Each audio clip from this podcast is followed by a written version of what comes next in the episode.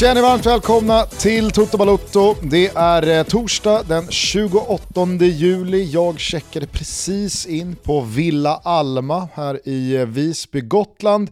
Och du checkade väl eh, i går, förrgår någon gång, in på något vräkigt hus på Sardinien. Checka in och checka in. Jag tog över min polare Aldos kåk här nere med utsikt över Jeremias. Det är långt ifrån din jävla öj som du är på. ja, jag tänkte i alla fall att uh, Thomas hade ändå varit stolt över mig när han hade sett uh, rumsbokningen här på Alma och den uh, medföljande kostnaden. Ja, Okej, okay. ja, ja, det kan jag tänka mig. Det, det, det kostar väl mer tre, fyra dagar där än vad det gör att bo i det här huset i två veckor. Förmodligen. Ja. Förmodligen. Eh, jag tänker att vi kan väl bara kasta oss in i allt som händer. ja, uh, jag, det, jag vill förhöra dig lite om, ja det får man säga, uh, jag vill förhöra dig lite om uh, dråpliga, mer roliga incidenter i den italienska fotbollen. Uh, men jag såg här också på morgonen, uh, jävla tråkigt besked från Borussia Dortmunds håll. Jag vet inte, har, du, har du sett? Nej, jag har inte sett.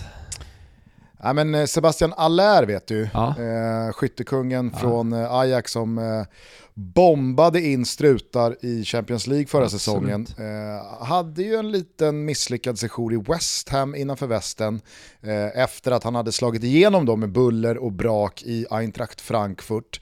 Lämnat för Premier League, semifloppat lite, blivit Ajax dyraste nyförvärv genom tiderna och väl där gjort braksuccé.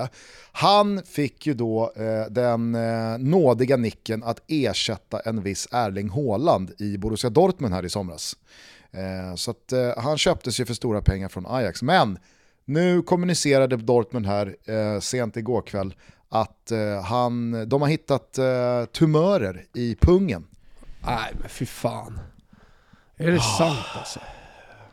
Den lilla knapphändiga information jag har tillskansat mig gör ju dock gällande att liksom, det finns fortfarande någon typ av plan att behandlingen ska liksom innebära att han kan vara tillbaka om ett halvår. Och det, det, det är inte så att det liksom slås fast att det är någon elakartad variant och att eh, det, det, finns någon slags dödlig utgång av den här första eh, diagnosen och prognosen. Men ändå, det blir sån jävla påminnelse återigen om att det, det, det, är så stora pengar och så stora matcher och stora klubbar och man tänker att det där är ju liksom, det, det, det blir inte viktigare än så här.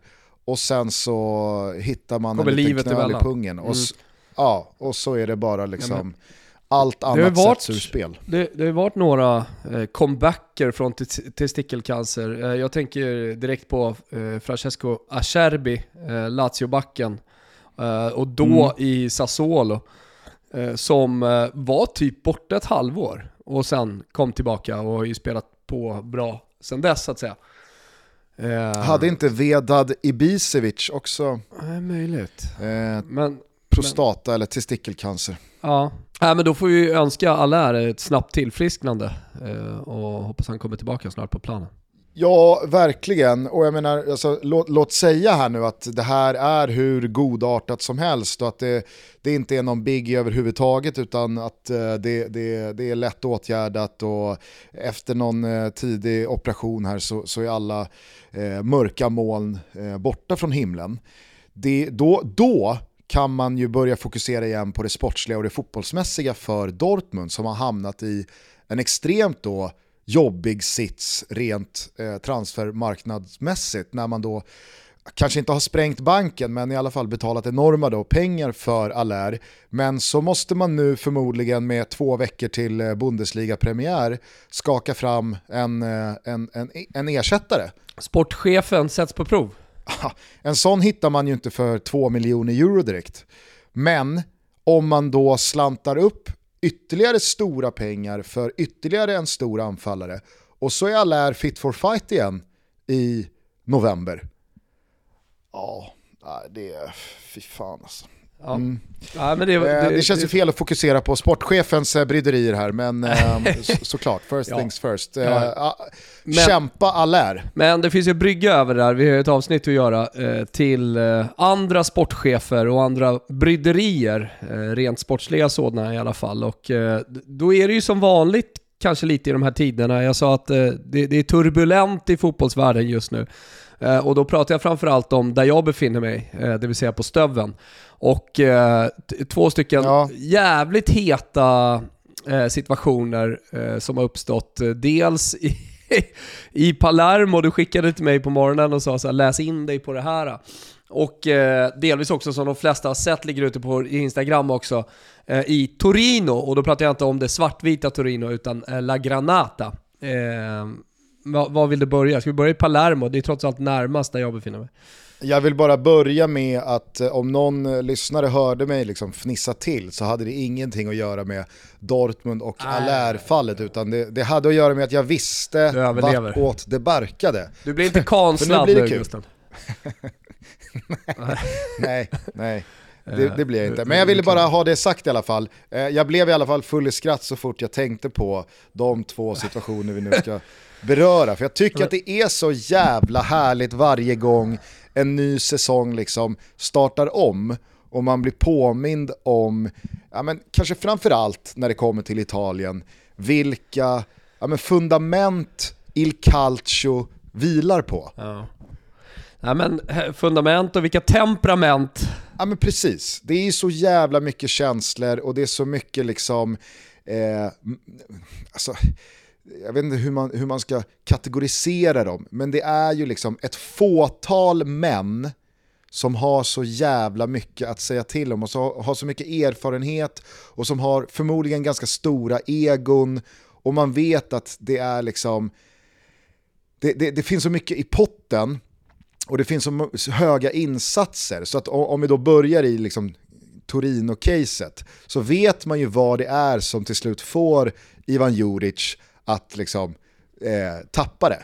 Mm. För att han, han, han vet ju att det är han, som, det är han som kommer behöva stå där. Lite kontext här då. då. Lite kontext här då. Eh, Torino har ju eh, sålt en massa spelare nyckelspelare, sådana som var i startelvan. Eh, Ivan Juric gubbar, alltså de som eh, trots allt har gjort eh, eh att Torino har nått vissa framgångar, för de har ändå gjort det bra tycker jag. Eh, och eh, det är då Belotti, Piazza, Ansaldi, Breca, Brecalo, Pobega och så vidare som har lämnat. Alltså vi pratar halva startelvan.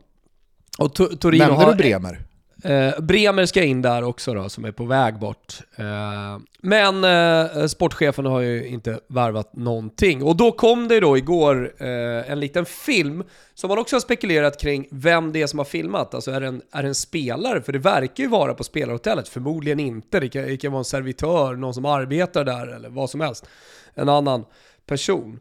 Då kommer det då en film på sportchef Davide Vanjati och Ivan Djuric som går längs eh, parkeringen. Och det är eh, högljutt. De gorvar på varandra och jag hör direkt att det är liksom Testa di cazzo, testa di minchia, ma cool!” Liksom, det är bara svordomar. Men! Sen kommer ju då en extended version. Det tycker jag är roligt då på Twitter, eh, när, man har listat så här, eh, historiens bästa extended version. liksom, ettan och jävla Star Wars-film, tvåa det här, trean och annat. Och. Hur som helst, extended version så har man i alla fall Vanjati prata, alltså, skrika något om men jag ska göra ett lag åt dig, typ. Liksom. Ditt lag kommer, vi kämpar. Vanjati är ju mer verbal, Juric är mer fysisk. Ja men han blir ju fysisk, för, för Juric vill liksom att han bara ska dra därifrån och då, då till slut så ropar eh, bara Vanjati att liksom, du ska respektera mig din jävla testa i kats och ditt kukhuvud och så eh, och då börjar Juric skrika. Sen faller ju kameran ner lite när det blir, alltså när det går ja. från, när det går från då eh, testosteron, Muck man testar i kats och man vad fan kollar en liten putt och, och så här, till oh, Där är eventuellt då kallar flyget då örfilar, men det, det, det kommer inte med ja. i filmen. Men, men man hör att men det blir är mer inte det, är inte det perfekt?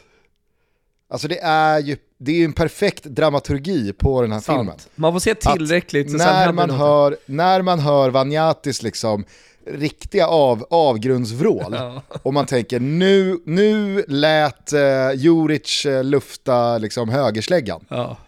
Då är kameran ner mot balkongbordet. Ja. Det är så jävla perfekt. Ja, den är faktiskt otrolig den här filmen. Jag är med på där topplista på extended version. Man ser de börjar gå längs parkeringen, liksom, där det hettar ja. till i Men, början. Jag har, inte, jag har inte hängt med det du eh, berättade här eh, eh, tidigare, att det har liksom då spekulerats i eh, huruvida det här är en spelare eller inte som filmar. Men nu när du säger det och när jag hör det första gången så, så, så, är ju verkligen känslan att det är en spelare som filmar. Dels på grund av att ja, men både sportchef och tränare är på väg på en parkering mot ett hotell där förmodligen spelartruppen finns.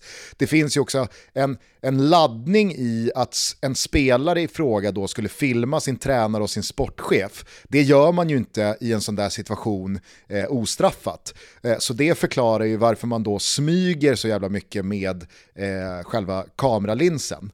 Eh, men sen då också så finns det ju eh, givetvis naturligtvis ett incitament från spelaren som också förmodligen vill ha lite mer kvalitet in i laget.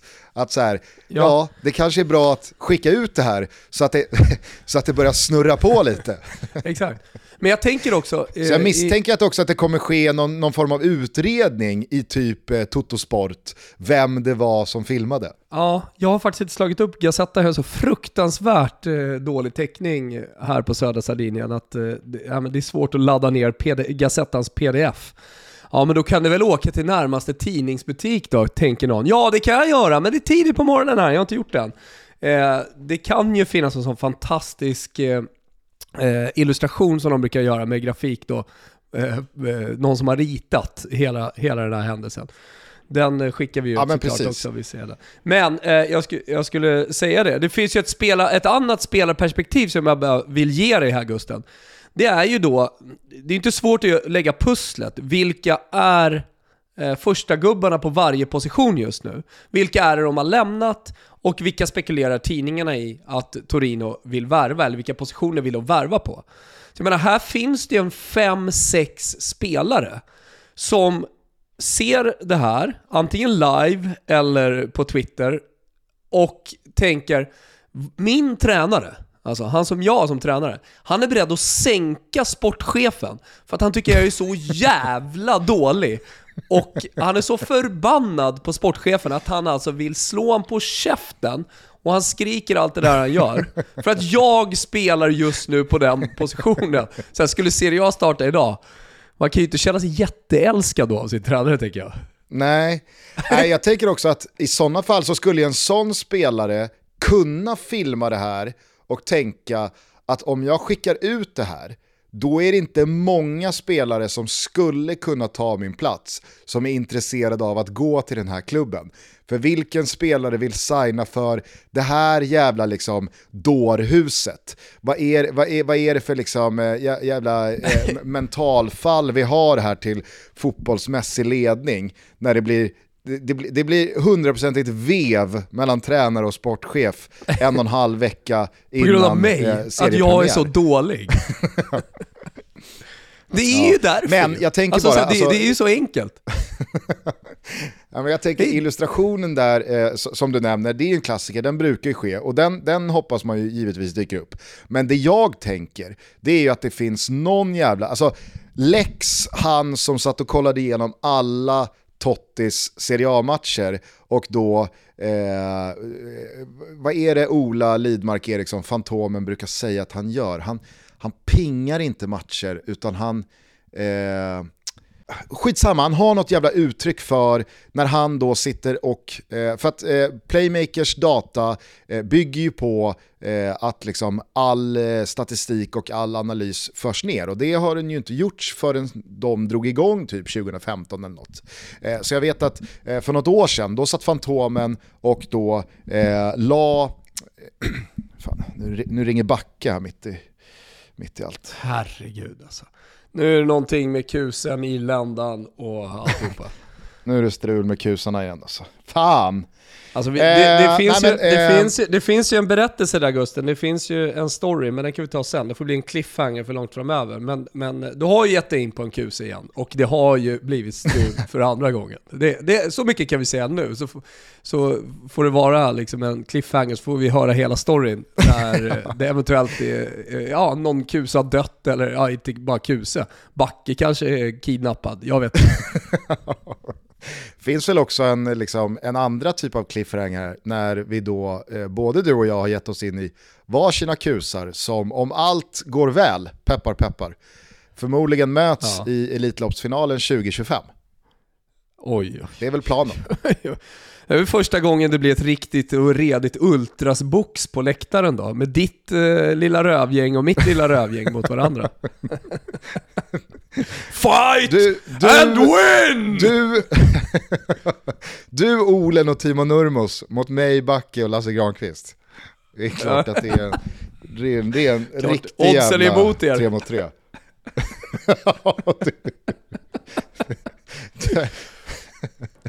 där, där ser man ju, alltså, där tänker man att Granqvist tar ju mer Vanjati-rollen, den mer verbala.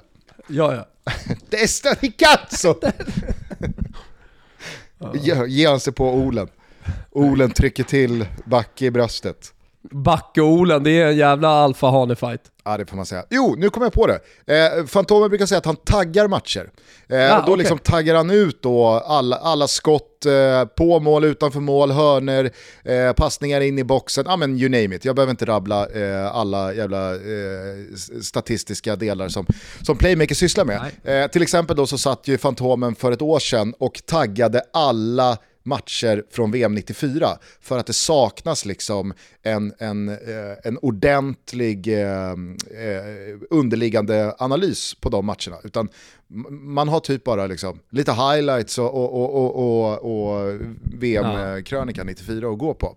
Eh, hur som helst, eh, vart skulle jag? Jo, jag skulle ju då eh, till men vänta, vänta. Gusten, innan det, vad, vad, var hans analys? Att Sverige hade liksom låg XG och jävla flyt när man tog bronset, eller var det ytterst välförtjänt? Nej, utan analysen var att eh, vi, var, eh, vi var ganska mycket sämre än, eh, än liksom den här mm. klang och jubel eh, ja, legenden som har levt vidare. Ja, men då stämmer ju lite min känsla från VM som jag försökte att förmedla i Toto Balutto att alltså, vi, vi var ett stort gäng och jag menar vi kan ju knappast ha varit de, de, de enda. Vi är inte unika, jag, jag och mitt gäng som satt och kollade och drack folköl under, under den heta VM-sommaren 1994. Eh, att vi var arga på spelarval, eh, vi eh, gillade inte Håkan Mild, vi gillade Limpar framför Uh, Ingesson, för vi in mer teknik och så vidare. Vi var inte nöjda med matcherna alltid heller, även om resultaten ändå tog oss vidare och så vidare och så vidare. Sen är ju den vägen till det där bronset är otrolig, får man ändå säga. Saudiarabien, Rumänien och sen fick vi Brasilien då torska och sen så Bulgarien som uppenbarligen hade checkat ut inför tredje, tredje prismatchen.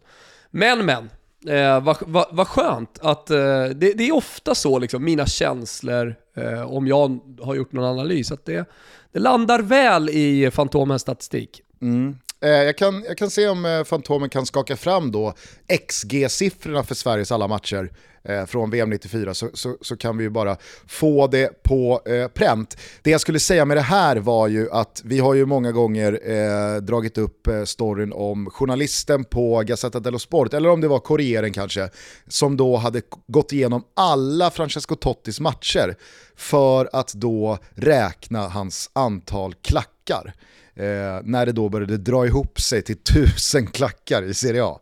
Så då har han då suttit och taggat liksom alla Romas matcher under en 20-årsperiod.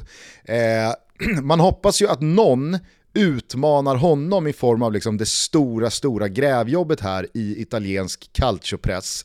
Med att någon då på förslagsvis då Toto Sport, den Turinbaserade tidningen, att han då begär ut dels liksom gästlista på hotellet, Kanske också rumsfördelningen så att han har vilka spelare bodde i vilket rum. Och sen så vill man ju ha då blueprinten på hur hotellet liksom ser ut. hur det vetter ut mot eh, parkeringen. parkeringen ja. och, att den här, och att den här journalisten då tar sig upp eh, och jämför då liksom vinklarna, utsiktsvinklarna mm. från respektive balkong och matchar mot videon. Mm. För att då kunna liksom få fram vilken spelare höll i kameran. Ja. ja.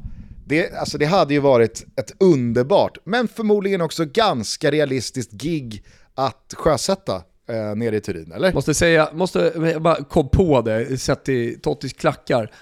Första sidan kommer, det är den tusende klacken, den eh, klipps ut, den ramas in eh, på någon sportredaktion och så vidare. Den här gubben han liksom sitter och bara pustar ut efter att ha, ja, men har gjort ett otroligt jävla grävjobb här. Eh, och sen är det över. För jag menar, det, det är ju tusen ja. klackar och man säger wow. Man läser det där och bara, Totte har gjort tusen klackar. Men det är, det är inget grävjobb som får några konsekvenser eller som lever kvar eller sådär. Utan nej, nej. sen är det bara tomhet då. gubben. Ha. Vems klackar ska jag räkna nu?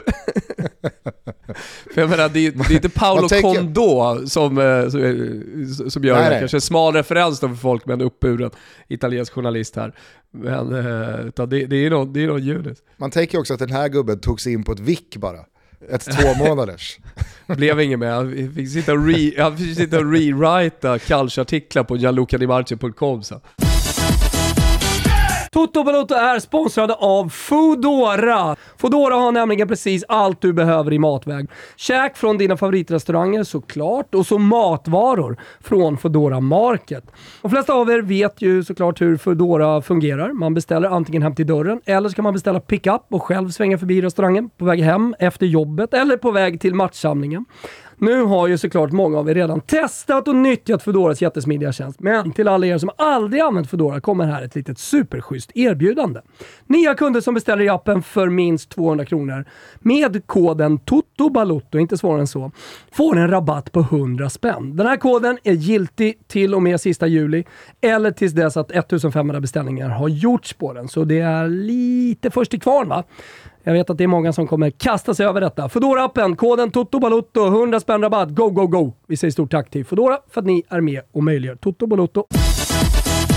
Eh, det stormar i alla fall i eh, Torino, det kan vi konstatera. Återstår att se då vem som får sista ordet i fighten mellan Vanjati och eh, Juric. Eh, men eh, Torino är ju såklart inte den enda klubben som eh, det har dragit upp till storm i. Eh, Palermo är ju tillbaka i, eh, kanske inte den italienska eh, toppfotbollen, men väl i Serie B. Och även fast Samparini, may he rest in peace, är borta sedan eh, några år, två år, ett och ett ja. halvt år. Fan, det är svårt. Man tappar tidsbegreppen i, i oh. pandemin. Alltså. Men också lite när han eh. försvann från Palermo skulle man kunna säga. Det var väl lite längre eh, tid ja. tror jag. Jo absolut, absolut. Jag menar mm. bara att eh, det, det, man, man tänkte ju att den dagen Palermo återuppstår, eh, och, och, och, tar sig tillbaka till Serie A så kommer det vara utan Samparini, således så ville man ju ändå tro att det kanske kommer vara under lite mer ordnade former. Men det, det, verkar, eh, vara, det, det, verkar vara starka ränder på den där zebran. Ja, nej, men ni får ursäkta. Du skickade ju som sagt en eh, artikel här på morgonen. Eh, men eh, det, det, står i alla fall högst upp, Kaos Palermo. Redan där eh, kittlar det ju till i pungen va. Och det sa jag i det här avsnittet. Eh, hur som helst. Eh, nu, eh, nu, nu står det att eh, idéerna är Ranieri och De Rossi för att eh, Baldini och Castagnini, som sportchefen heter, de har tydligen sagt upp sig. Eh, det, de har inte fått sparken, de har sagt upp sig, herregud. Eh, tränaren Silver Baldini och sportchefen Renzo, Renzo Castagnini har eh, sagt upp sig. Efter en lång eftermiddag eh, där eh, klubben har försökt att eh, få dem att vara kvar så eh, lämnade de helt enkelt eh, försäsongslägret. Allting exploderade onsdag morgon eh, efter att de har torskat mot Pisa med 5-0 och har då krävt nyförvärv. Efter det så har man haft eh, ett möte på Renzo Barbera på stadion med ledningen. De har försökt att eh, lägga en våt filt på den här elden. Men eh, Baldini och Castagnani, de har tydligen eh, låst sig. Här är den totallåsningen. Eh, så efter att, eh, eh, efter att, ja men det var tydligen på gymmet här. Det var där allting exploderade. Det var någon eh, för, förmiddagsträning. när Baldini hade lämnat vulkaniskt, lik eh, Samparini en gång i tiden lämnade diverse möten och, och saker. Eh, lilla, lilla nervarvningen efter 0-5 Pisa på gymmet, där hade han blivit vansinnig och så de lämnat. Nej, så att eh, tillbaka i Serie B. Missnöje med Mercaton, tränare, sportchef, båda två lämnar. Kaoset är totalt, vi är väl ett par veckor bort från start här i Serie B. Eh, och Palermo, de har varken sportchef eller tränare. Ja, premiär mot eh, Perugia hemma eh, den 13. Ja, så det är väl ja. 15 Nej, dagar. Varken tränare eller sportchef. Och uppenbarligen finns det saker att göra på Mercaton också som inte har gjorts. Så att, ja, det blir spännande. Den klubben kommer vi givetvis också punktmarkera här under säsongsupptakten. Men vi kanske ska lämna Italien för nu. Jag vet inte om det finns någonting därifrån du befinner dig som som du vill eh, eh drifta. Eh, vi, vi, blev ju ganska långa här eh, initialt. Ja, nej, det, det, ska vi absolut inte göra. Jag ska inte sitta här och, och prata kaljer. förutom att eh, jag eventuellt har några eh, möten och några middagar den här veckan som, som skulle kunna ge content till eh, Toto Balutto, eh, även om det bara handlar om Cagliari och Serie B. Vi får se.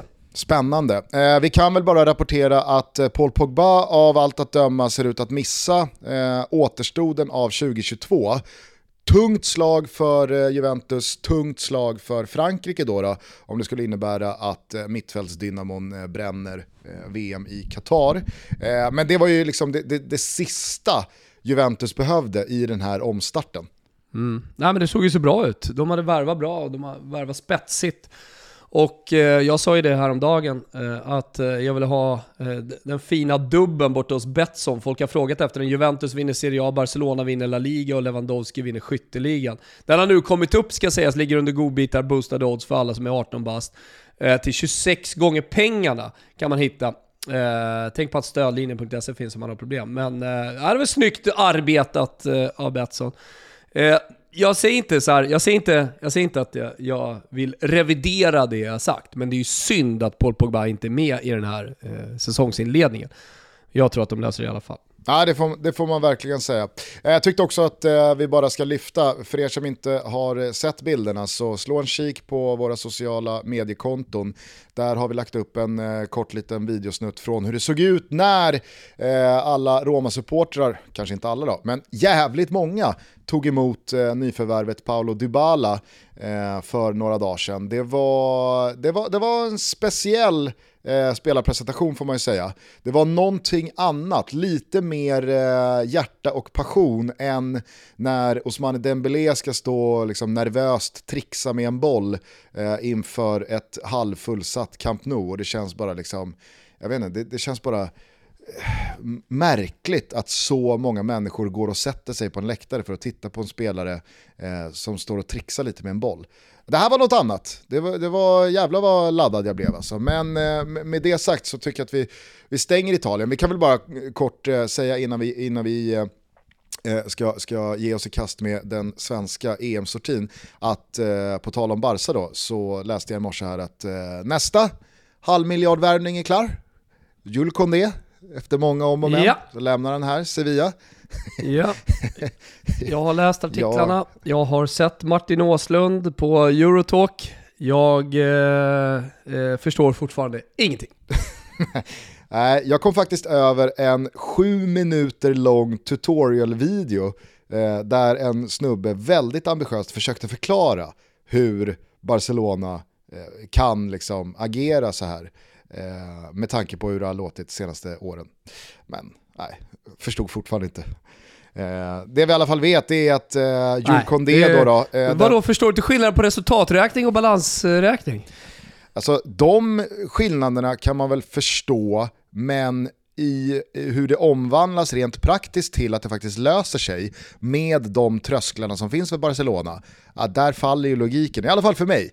Eh, men vi kan i alla fall konstatera då att Jules Condé, den oerhört jagade, eh, väldigt användbara backen från Sevilla, kan ju spela främst mittback då, men också högerback, eh, fransk landslagsman eh, och eh, har ju liksom varit på, på de flesta större klubbarnas radar eh, senaste säsongerna. Eh, han lämnar då och gör Lewandowski, Rafinha, eh, det är väl Christensen, Kessi, eh, vad har vi mer? Har jag glömt någon? Ja det kanske jag har, eller så har jag inte det. Vi kan väl i alla fall konstatera att Barca har på ett knappt år här med eh, Xavi, de har ju lyckats få till ett oerhört slagkraftigt lag, i alla fall eh, eh på pappret. Eh, så får vi väl se hur det ser ut här nu då, när det drar igång. Eh, men annars så kanske det är, inte är så mycket vi behöver eh, orda om rent eh, transfermässigt. Nej, alltså eh, i och med att jag befinner mig på de breddgrader jag befinner mig och att eh, hela England verkar vara i någon eh, slags EM-hysteri där borta så har eh, de, eh, Premier League, eller den engelska fotbollen ska jag säga, det som sker där borta på öarna, framförallt handlat om det engelska damlandslaget som har tagit sig till EM som alla känner till. Eh, och inte, inte så mycket, ja men det, alltså såhär, skamacka till West Ham tycker jag är kul och jag har ju redan lämnat klart till alla fantasy Premier Leagueare Eh, att köpa Skamacka till sju gånger pengarna, så vet, eller sju, sju miljoner. Men sen, vet man ju att det kommer gå åt helvete. Alltså, det är en typisk sån värmning som Italien-runket går igång på. Och eh, när de sitter och tjabbar med varandra säger Alltså de förstår inte hur bra de är. Jag pratar med några polare som bara följer Premier League, de fattar inte hur bra Skamacka är. Liksom, potential till att bli nästa stora nia, det här är nya Lewandowski och så vidare. Så kan det ju faktiskt låta ibland när, när, när man Du vet väl vem som är den nya Lewandowski? Nej, Milik. Nej, det är ju Matti Tell! 17 bast. Just det, det sa vi Jo, men, eh, men eh, så kommer han till England, en annan typ av fotboll. Nu är han visserligen stor, fysisk, borde passa, men ja, eh, det kan ju också gå åt helvete. Jag, jag kan också se hur det går åt helvete för Skabacka i, i West Ham. Dock så håller jag alla tummar för att det ska bli bra. Men det, det, det, det, det har väl inte hänt sådär jättemycket annars. Nu, nu känner jag att det, det finns risk att jag kommer synas här av våra lyssnare. Nej, men just den där analysen, eller den, den lilla brasklappen till magkänsla du, du levererar här kan ju fungera som någon typ av cirkelslutning med hur vi inledde det här avsnittet. För Sebastian Allaire, han floppade ju inom citationstecken i just West Ham med de löften och med den potential som han kom med till Premier League. Och tre år senare, ja då slaktade han skytteligan i Champions League och levde bevisligen upp till alla de där stora orden. Så att jag, jag kan också se Skamacka gå den vägen. Han kommer till Premier League för stora pengar med en enorm potential och uppsnackad som fan, italiensk landslagsman och så vidare och så vidare. Och sen så kanske han gör fem mål på 33 matcher i Premier League och folk börjar skruva på sig och, och, det börjar pratas bluff och så vidare. Och sen därifrån så går han till typ Bundesliga eller tillbaks till Italien och så vinner han skytteligan i ett ligavinnande lag. Nej, absolut. Uh, alltså, det, det, är inte så att hans karriär varken börjar eller stannar i, i West Ham. Men uh, jag ville bara liksom uttrycka min, min stora glädje över att se Skabacka där och eh, ändå, samtidigt som jag lämnar klart så lämnar jag inte klart. Så får folk tolka det som de vill. Toto Balotto är sponsrad av Circle K och tillsammans med dem är vi på väg mot framtiden. Circle K har nämligen som drivmedelskedja en viktig roll på vägen mot ett fossilfritt Sverige. Och varje dag ser de till att det blir enklare för dig och mig att göra mer hållbara val. Redan idag är Circle K ledande på förnybara drivmedel. Var fjärde liter, ja, var fjärde liter som tankas hos Circle K är helt förnybar. Det de gör är att ta bort en fossil andel och ersätta med ett förnybart drivmedel. För ett förnybart drivmedel släpper nämligen inte ut extra CO2. I Miles Diesel har Circle upp till 42% förnybart och i somras dubblade de andelen förnybart i Miles bensin som då gick från 5% till 10% etanol. I takt med att allt fler och fler byter till elbil så bygger Circle K dessutom ut sitt nät med ultrasnabba laddplatser. Självklart Självklart med målsättningen att ha flest i hela Sverige, så låt oss tillsammans göra mer hållbara val utan att tappa fart på väg mot framtiden. Toto Brutto säger stort tack till Circle K för att ni är med och möjliggör vår podcast, men framförallt för att ni arbetar för en hållbar och bättre framtid. Ja, eh, ska vi släppa eh, dels eh, transfermarknaden men också här fotbollen ta oss till England där de båda semifinalerna har avgjorts i EM för damerna. Det blir en final på söndag mellan eh, Tyskland och hemmanationen England på Wembley. Tyvärr inget svenskt deltagande. Vi pratade ju i förra avsnittet om att Peter Gerhardssons landslag nu inför semifinalen mot England gav sig in i en rondell, inte i någon T-korsning. För att man har tagit sig till semifinal, man har gjort vad som har krävts av en och hur det här än slutar så går det inte att prata om något fiasko utan härifrån så kan det bara bli eh, ja, men, olika former av bra. Men Sen så blev det den eh, avslutande match som det blev. 4-0 hade kunnat, ifall England hade velat, eh, säkert bli både 6 och 7-0 sista kvarten 20 minuter, men det stannade vid 4-0 och en rejäl jävla eh, sorti här som, eh, nej, eh, det, var, det, var, det var ingen roligt eh, avslut eh, på det här mästerskapet för, för svensk del. Vi pratade ju faktiskt exakt om det.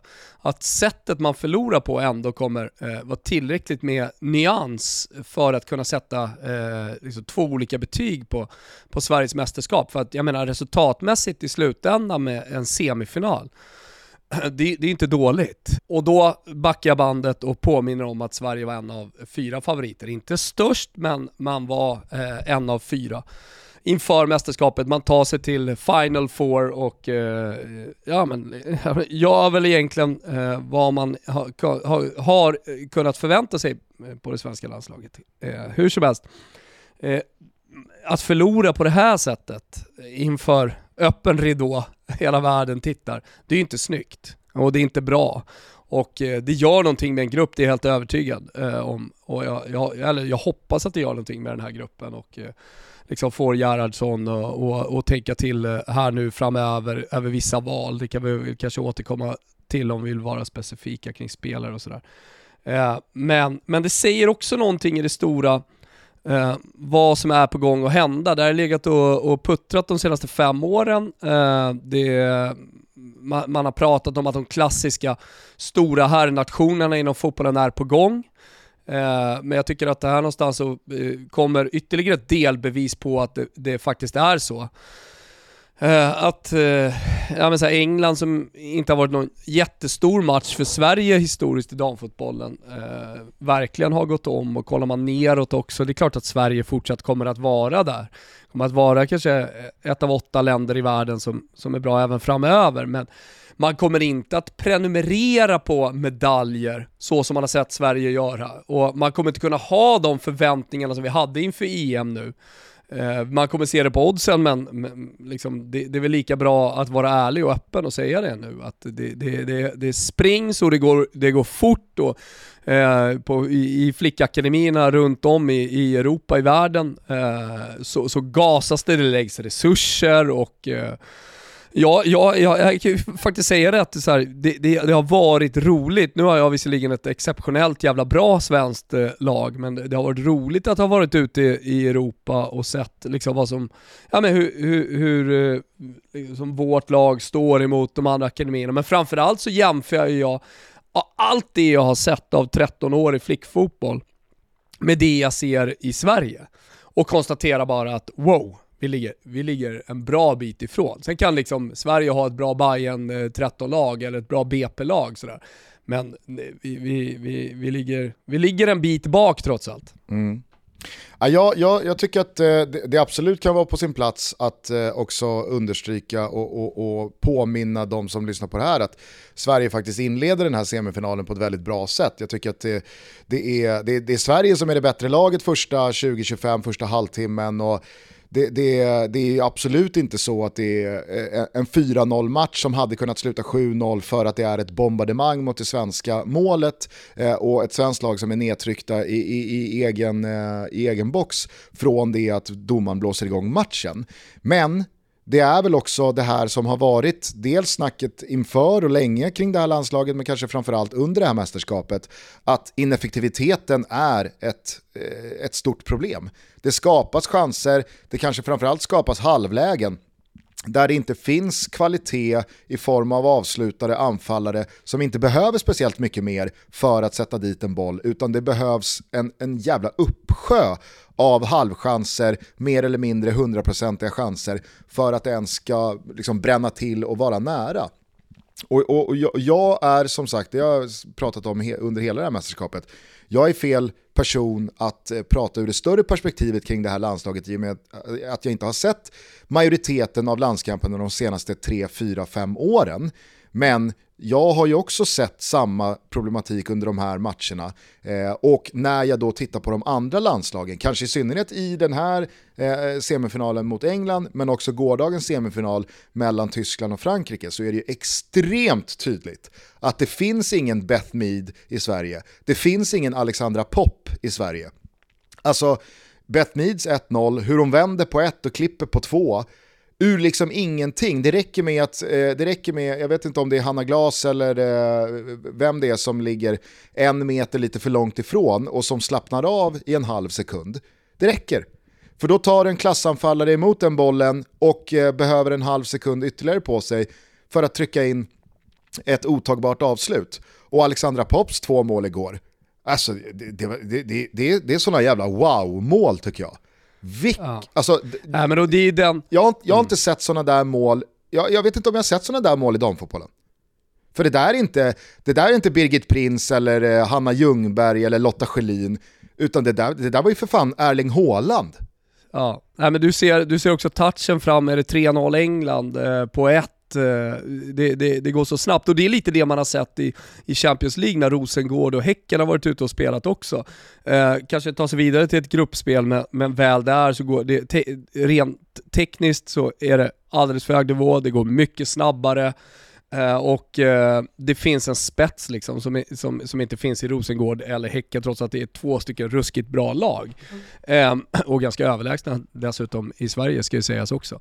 Eh, men, och så har det inte heller sett ut jag menar, i, i damfotbollen. Alltså där har ju de svenska lagen ändå kunnat hävdat sig även om liksom Lyon och, och de tyska storlagen har varit eh, överlägsna i slutändan. men eh, det, det är det, alltså den, den, här typen av spelare som kommer fram nu, det är ju eh, megatalanger som också har fått rätt utbildning. Och det är det någonstans jag menar. Alltså de, de som har kommit fram i Sverige är ju megatalanger och som spelar i svenska landslaget. Nu vill jag, nu vill jag liksom inte kasta brännans eh, hand på 97-tjejerna från Vaxala, eh, eh, Angeldal och eh, eh, Björn. Men, men, du förstår vad jag menar, det är fortfarande, de kommer fortfarande från hyfsade breddmiljöer. Och utbildning spelar roll. Så att jag menar, så här, de, de, som kommer fram nu i, i, i de här allra största lagen, de, de, är, de är ju skolade sedan de var åtta år. de har ju fått liksom, och då, och då händer det här. Då räcker det inte med en talang och att man älskar att spela fotboll och spela med äldre och spela med killar och så vidare. Utan du, du, du måste ju hamna i en riktigt jävla bra miljö för att du ska kunna bli eh, så bra som de är. Och det är väl, det är väl någonstans där liksom, mitt lilla krig eh, eh, pågår. Att, eh, att, man, att man måste ha bättre utbildning för unga tjejer också. Att inte hålla på med fruktstunder och, och, och liksom daltande. Utan, eller du kan dalta men, men du, du måste se till att att det, det utbildas från ung ålder. Ja. Ja, För att vi ska kunna hänga med och kunna spela de här matcherna i framtiden. Det, det är det som i slutändan, det, det, det, är därför, det är därför man tycker att det är kul att kriga för det här. Mm. Det, det, det, är därför det ger någonting. Nej, men Annars blir vi ifrånsprungna.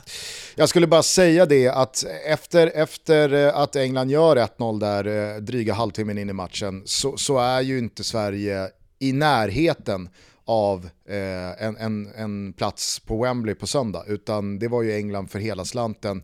Återstoden av första halvlek och sen så kommer 2-0 tidigt, alldeles för slarvigt. Jag tycker att det är liksom det, det, det, man får bara inte i en semifinal i det läget, i inledningen av den andra halvleken, släppa in en fast situation på det där enkla sättet, tafatta sättet. Eh, för där och då så dör ju matchen, där ger man ju bort matchen. Och sen så är det ju bara liksom, jag vet inte hur mycket som är trötthet, jag vet inte hur mycket som är uppgivenhet, jag vet inte hur mycket som är klasskillnad, men det var ju direkt pinsamt att se den avslutande halvtimmen, 35 minuterna, det är så ihåligt och så rörigt och så uppgivet och så tekniskt svagt och felbeslut på felbeslut och jag menar, Hedvig Lindahl har, hon har fått sin eh, släng av sleven under de 36 timmar som har passerat sedan det här uttåget. Så att vi, vi, vi kanske liksom inte behöver fylla på med sådär mycket mer. Men det, det är ju bara liksom... Det, såg. Så här, alltså det, det är uppenbart att det behövs ett generationsskifte på den positionen. Så är det säkert, så jag tycker bara att eh, vi i, i liksom någon slags kollektiv då kritik, där Hedvig Lindahl givetvis ingår, kan konstatera att det var för dåligt på alldeles för många händer och fötter. Och det var Ja, men det, var, det, var, det var under all kritik, även fast man var framme i en, en semifinal och på det stora hela kanske hade gjort då vad som, vad som går att eh, kräva av en och att det faktiskt finns tre, fyra, fem nationer som har eh, sprungit ifrån Sverige eh, en del. Nej absolut, och det, det, det, kan man konstatera. Och, det, och därför tycker jag att det, det, känns någonstans bra i magen att avsluta med det. Att vill vi vara här, vill vi spela de här typerna av matcherna i, i framtiden, ja, då, vill, då vill det till att vi eh, tänker annorlunda och eh, börjar utbilda våra tjejer ordentligt eh, från ung ålder. Ja, jag vet inte om samma liksom övergripande makroanalys går att applicera på svenska herrklubbar. Eh, för det blev ju en eh, oerhört tydlig påminnelse då igår när Salgiris lämnade Malmö med eh, 2-0 på stadion, 3-0 totalt och gick vidare i Champions League-kvalet som eh, första litauiska lag som nu alltså är klart för ett europeiskt eh, cupgruppspel. Hur det än går för Salgiris här i avslutningen så kommer man som minst då spela Conference League-gruppspel, men de har ju fortfarande alla chanser att spela Champions League till hösten.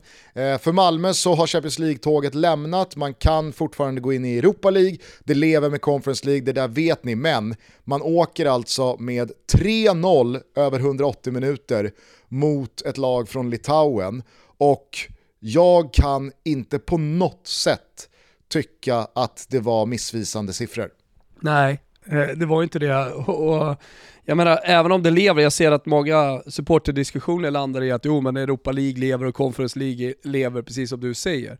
Så måste man ändå kolla på de här 180 minuterna och, och konstatera att det ser inte speciellt bra ut. Och alldeles oavsett eh, vad som händer, nu har, nu har ju Milos ändå fått ganska lång tid på sig att bygga det här laget. Jag menar, det går inte att dra kortet att det är en ny tränare och det tar tid att sätta ett spelsätt. Det går inte att göra nu på sensommaren snart eh, och, och ja, men försvara någonting med, med, det. Utan, utan det ser ut så här mot ett lettiskt eh, lag. Eh, som, li, li, Litauis då, men... Eh, det, ja. ja. Point proven. Hey, tomato, tomato eller?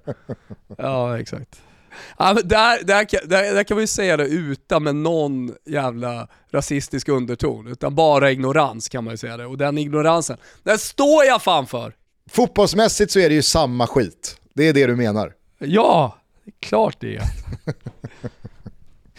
ja. Alla... Det är ju Estland som ligger lägre, som man håller lägre. Så är det ju. Av de baltiska staterna.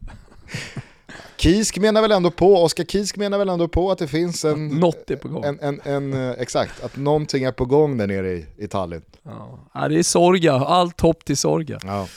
Och jag undrar verkligen, jag är nyfiken, jag är inte tillräckligt initierad för att veta, men, men det ska bli intressant att se hur Malmö går vidare. Alltså, kan, kan vi få se scenerna från parkeringen nere i Alperna även på Malmös träningsanläggning här framåt mellan Milos och eh, sportchef. Milos, Georgsson och Daniel Andersson. Georgsson och Daniel Andersson. Det hade ju varit något. Jag tror det hade kunnat liksom skaka liv i, i, i liket lite grann. Ja, det är klart att det hade varit något eh, att se typ, eh, vem ska vi ta? Eh, Felix Beijmo smyger upp telefonen från balkongen och filmar tre hästars kurret eh, som utvecklar sig till ett handgemäng mellan då Milos Georgsson och Daniel Andersson. En svensk version då av, av eh, Torinos inbördeskrig. Det hade varit något. Nu eh, handlar det ju här snarare då om eh, eh prestationer, eh, en trupp som vad jag förstår i alla fall är tillräckligt bra. Han har fått en massa nyförvärv dessutom nu under, under transferfönstret som har varit öppet. så jag menar, det får ju i så fall vara baserat på att eh, sportchefen är arg på hur, hur Milos rattar det här laget. Men eh, det är ju skitsamma. Eh, premisserna till det här bråket, man vill ju se det. Eh, och eh, jag, menar, jag vet att vi är på väg att avsluta. Jag kan bara säga det att man känner ju så här eh, onsdag morgon med Säck, med Ritchie och med Tima som alltså är personerna eh, som fick Ivan Djuric att gå i taket. Jag kan inte spela med de här jävla soporna när Serie A är på väg att dra igång. Nej, verkligen. Eh, men jag tycker bara innan vi, innan vi eh, stänger Malmö eh, så tycker jag att det finns två saker väl värda att lyfta. Dels då snacket efteråt här och det är ju torsdag morgon ska det sägas. Det är du som är lite dagvill här.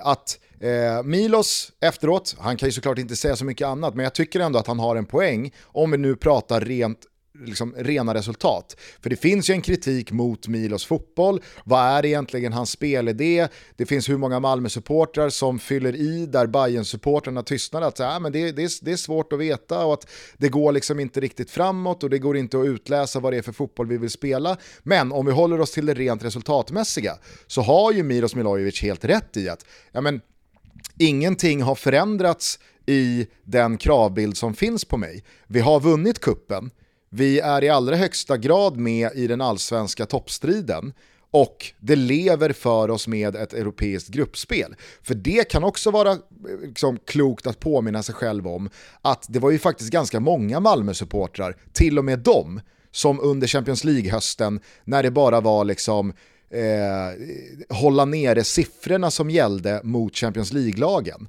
att det är kul att gå till Champions League, det är kul att inkassera de pengarna, men väl där så är det inte så jävla roligt längre att vara där för tredje gången och bara vara en slagpåse. Och att Europa League då kanske faktiskt är rent sportsligt den idealiska turneringen för en klubb som Malmö. Visst, det är lite mindre pengar, men det är också roligare att sportsligt hävda sig, kanske faktiskt också utvecklas. Men man har ju bevisligen också två gånger på senare år gått vidare från gruppspelet där också, så man har ju verkligen i en sån turnering att göra.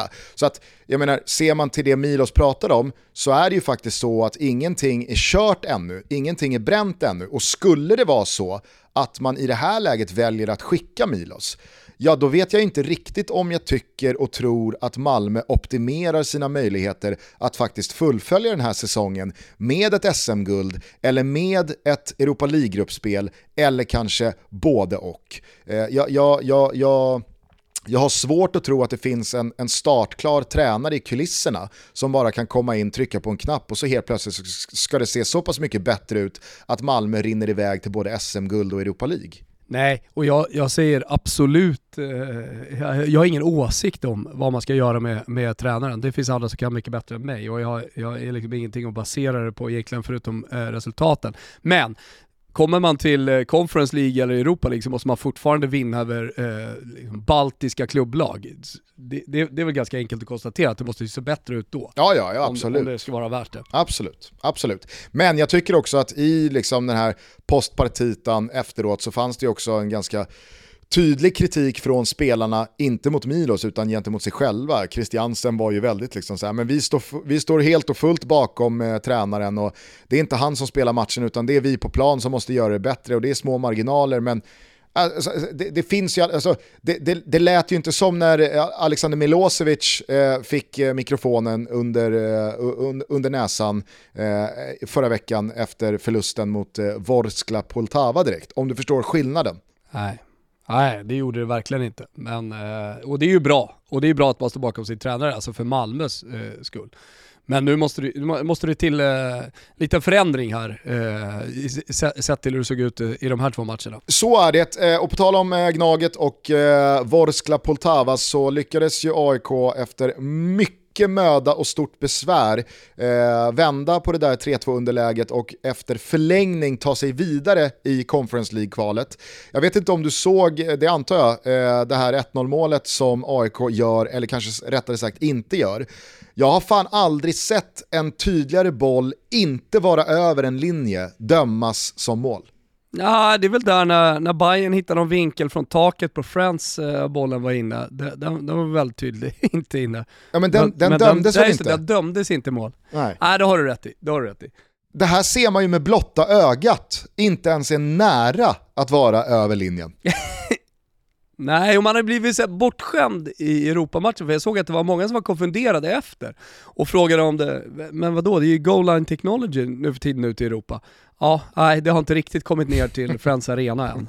Eh, så, så, att, alltså den dagen Friends Arena har det systemet och ja. möjligheten, då börjar vi faktiskt närma oss goal line technology i Allsvenskan. Ja. Jag, jag, kan tänka mig att, att man inte investerar i det Eh, bara för att eventuellt spela ett kval kommande år där det går att användas. Nej, och jag kan väl eh, liksom lugna alla de som eh, ropar efter Goal Line Technology här att hade det funnits Goal Line Technology i det här läget då kan ni vara ganska säkra på att då hade givetvis de bilderna visats att jo då, titta här, bollen var över. Det är det som är Goal Line Technology. Exakt. Men ja, nej, det, det, var väl Gnagets lycka. Eh, jag vet inte eh, liksom, vad, vad, vad, man ska lägga för värdering i att man går vidare på ett sånt mål. Jag tyckte bara att det var liksom anmärkningsvärt hur tydligt bollen inte var inne, men att det fick en sån avgörande roll. Sen, sen är det ju sådär, alltså man, kan, man, man kan ju heller inte göra analysen att så här, hade den bollen inte varit inne i och med att det kommer Eh, eh, I och med att det är 1-0 målet och inte 2-0 målet. Så att hade den bollen inte varit inne, men då hade det varit en annan matchbild. Eh, så, så, att det går ju aldrig att spekulera kring hur det hade gått och om AIK hade gått vidare eller inte. Så att eh, det, det, det, är väl också viktigt att säga, tänker jag. Nu blev det ju inga mål för honom eh, och han står ju således bara på ett mål på tre starter och ett inhopp. Men jag tyckte Guidetti igår igen visade vilken jävla klass han, han besitter och att det, det, det går ganska snabbt i den här fasen. Alltså han tar steg för varje match han spelar. Ehm, det, nej, det, det, var, det, det var någonting eh, positivt jag, jag, i alla fall bar med mig från den här matchen, inte så mycket annat. Eh, ikväll så ska Diffen sy ihop påsen mot Rijeka och Elfsborg ska kliva ut i Mission Impossible mot Molde, underläge 4-1 när matchen startar. Eh, vi får väl se hur det slutar, det är allsvenskan till helgen. Vi börjar så sakteliga närma oss också ligastarterna runt om i Europa det är väl fan eh, någon form av eh, community charity shield här eh, till helgen också i, i England va? I och med att det är eh, Premier League-premiär nästa helg. Eh, så det borde väl vara Liverpool mot, eh, mot City va? Just det. Då har ju det också. Det blir jävligt Och då spännande. vet man ju, då börjar man ju närma sig. Ja, verkligen. Mm. Ja, det blir det. Det börjar, börjar närma sig mer och mer riktig fotboll. Sommartotto, det är ju lite sorgligt att säga eh, i den här formen eh, eh, börjar väl kanske lida mot sitt slut också. Hur som helst, eh, vi ångar på och eh, folk frågar ju hela tiden, inte bara om det här spelet eh, med Lewandowski skytteliga, Barca vinnare och jo Juve vinnare, utan folk frågar efter våra tripplar och Jajamensan, det kommer en trippel till helgen för alla 18-åringar där ute, så att, eh, det är bara att hålla koll på våra sociala medier. Eh, jag vill också påminna om att den 28-29 juli så befinner sig Pepsi Max på Smögen. Jajamensan, på Smögen. Det är Amaze Festival, eh, så då är det bara passera där och hänga lite med Pepsi Max-gänget. Vi säger också grattis till Marcus som eh, vann våran tävling som vi hade tillsammans med Pepsi Max. Eh, han får åka på EM-finalen. Fasen vad kul och det, det, det, det, tycker jag kan vara en bra avslutning om man försöker vara lite objektiv och ta bort att man höll på Sverige i matchen mot England att eh, det är ju en värdig final för en damfotboll som vi under det här mästerskapet verkligen har sett nått nya höjder rent eh, tekniskt, eh, fartmässigt eh, och eh, kvalitativt. England mot Tyskland, det är en värdig final för ett fantastiskt mästerskap. Det finns den historiska rivaliteten, Eh, men också de två bästa lagen möter varandra. Eh, de två som har imponerat mest. På Wembley, fullsatt. Det är fan jävligt mäktigt. Ja, det kommer bli häftigt. Missa inte den. Eh, missa heller inte sista chansen. Och nu är det eh, absolut sista chansen här att teckna ett eh, Simor Plus-abonnemang.